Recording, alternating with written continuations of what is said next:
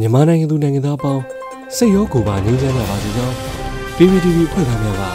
ဆုတောင်းမေတ္တာပို့သလိုက်ရပါတယ်။အခုချိန်ကစပြီးတိုင်းသားညီနောင်အင်အားစုတွေပြည်သူ့ကာကွယ်ရေးတပ်မတော် PDF တပ်သားတွေနဲ့ပြည်သူလူထုရဲ့အချိန်ဟုန်မြင့်မားလာသောတိုက်ပွဲသတင်းတွေကိုစုစည်းတင်ဆက်ပေးသွားတော့မှာဖြစ်ပါတယ်။ကျွန်တော်ຫນွေဦးလင်းပါပထမဆုံးအနေနဲ့စစ်ကားဖြင့်ပြည်သူကိုတိုက်တက်မှုလက်တုံပြန်သည့်အနေဖြင့်စမ်းချောင်းရဲစခန်း ခရမ်းမြို့မှာရဲစခန်းပါဝင်ရန်ကုန်မြို့နေရာတချို့ကိုတိုက်ခိုက်ခဲ့ဟုရန်ကုန်တိုင်း PDF ကထုတ်ပြန်တဲ့သတင်းကိုတင်ဆက်မှာပါ။ရန်ကုန်တိုင်းဒေသကြီးကြစ်မနိုင်မြို့နယ်ပန်းမင်ကြီးလမ်းပေါ်တွင်ရမနေ့စစ်တပ်ကပြည်သူကိုလူမဆန်စွာကားဖြင့်တိုက်တက်ခြင်းတနက်ဖြင့်ပစ်တက်ခြင်းတို့ကိုတုံ့ပြန်သည့်အနေဖြင့်စစ်ကောင်စီတပ်များကိုရမနေ့ညပိုင်းတိုက်ခိုက်ကြောင်းရန်ကုန်တိုင်း PDF ကသတင်းထုတ်ပြန်ပါတယ်။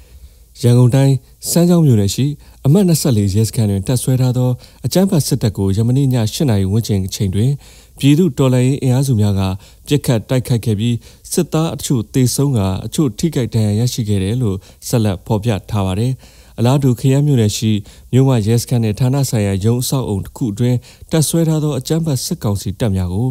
ယမနေ့ည8နာရီခွဲအချိန်ခန့်တွင်40မမပုံသည့်ဖြင့်ခရမ်းမြို့နယ်ပြည်သူ့ကာကွယ်တပ်ဖွဲ့ဝင်များကပြစ်ခတ်တိုက်ခိုက်ခဲ့ကြောင်းစစ်သားထိခိုက်ဒေဆုံးမှုရှိတော်လဲအသေးစိတ်ကိုဆက်လက်စုံစမ်းဆဲဖြစ်ကြောင်းထုတ်ပြန်ထားပါတယ်။အလားတူလိုင်တာယာမြို့နယ်ရှိအမှတ်9ရပ်ကွက်အုပ်ချုပ်ရေးမှူးရုံးနယ် တပ်မတော်အထက်ချုပ်ဆက်ရုံနီးအကြမ်းဖက်စစ်ကောင်စီတပ်များတပ်ဆွဲထားသောနေရာများကိုပောက်ကွဲအားပြင်းထန်သည့်ဘုံများအုံပြု၍ຫນွေဦးတော်လိုင်းမိတော် Spring Revolution Flame SRF အဖွဲ့ကယမနေ့ည9:00နာရီခွဲအချိန်ခန့်တွင်ဖောက်ခွဲတိုက်ခိုက်ခဲ့ကြောင်းစစ်သားထိခိုက်ဒေဆုံးမှုအသေးစိတ်ကိုစုံစမ်းဆဲဖြစ်ကြောင်းကြေညာထားပါတယ်။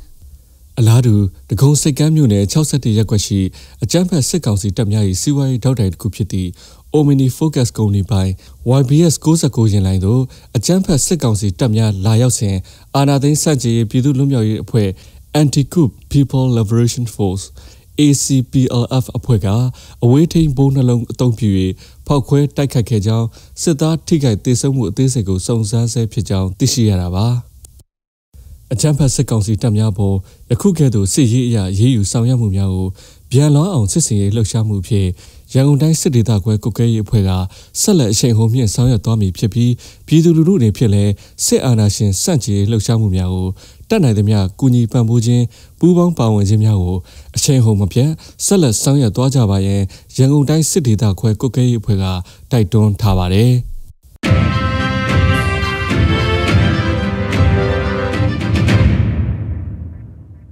ဆလဘီ ရန်ကုန်သွေးကြွေးဆက်တီအနေဖြင့်မုံရွာနှင့်ကံပတ်လက်တွင်စစ်တပ်နှင့်ရဲများကိုဝင်ပြေရာရဲနှင့်စစ်သားများတေဆုံးတယ်ဆိုတဲ့သတင်းကိုတင်ဆက်မှာပါ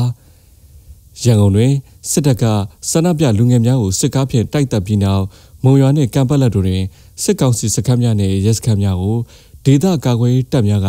ဝင်ရောက်တိုက်ခိုက်သဖြင့်ရဲနှင့်စစ်သားများတေဆုံးကြောင်းဒေသကာကွယ်တပ်များကသတင်းထုတ်ပြန်ပါတယ်။စကိုင်းတိုင်းမုံရွာမြို့ မြမစီဝိုင်းဗန်ဆောင်ရဲတပ်သားများကိုယနေ့ညနေ9:00နာရီဝန်းကျင်ခန့်က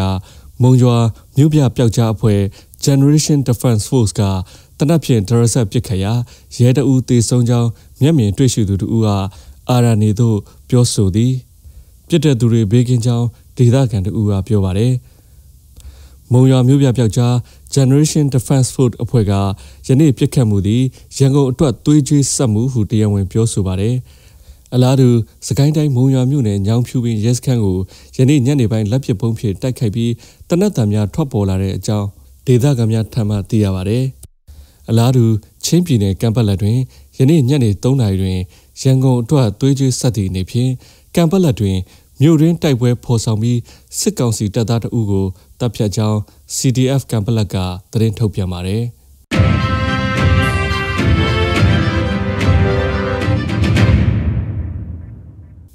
နောက်ဆုံးအနေနဲ့အမျိုးသားညီညွတ်ရေးအစိုးရပြည်ထောင်စုနဲ့လူဝင်မှုကြီးကြပ်ရေးဝန်ကြီးဌာနက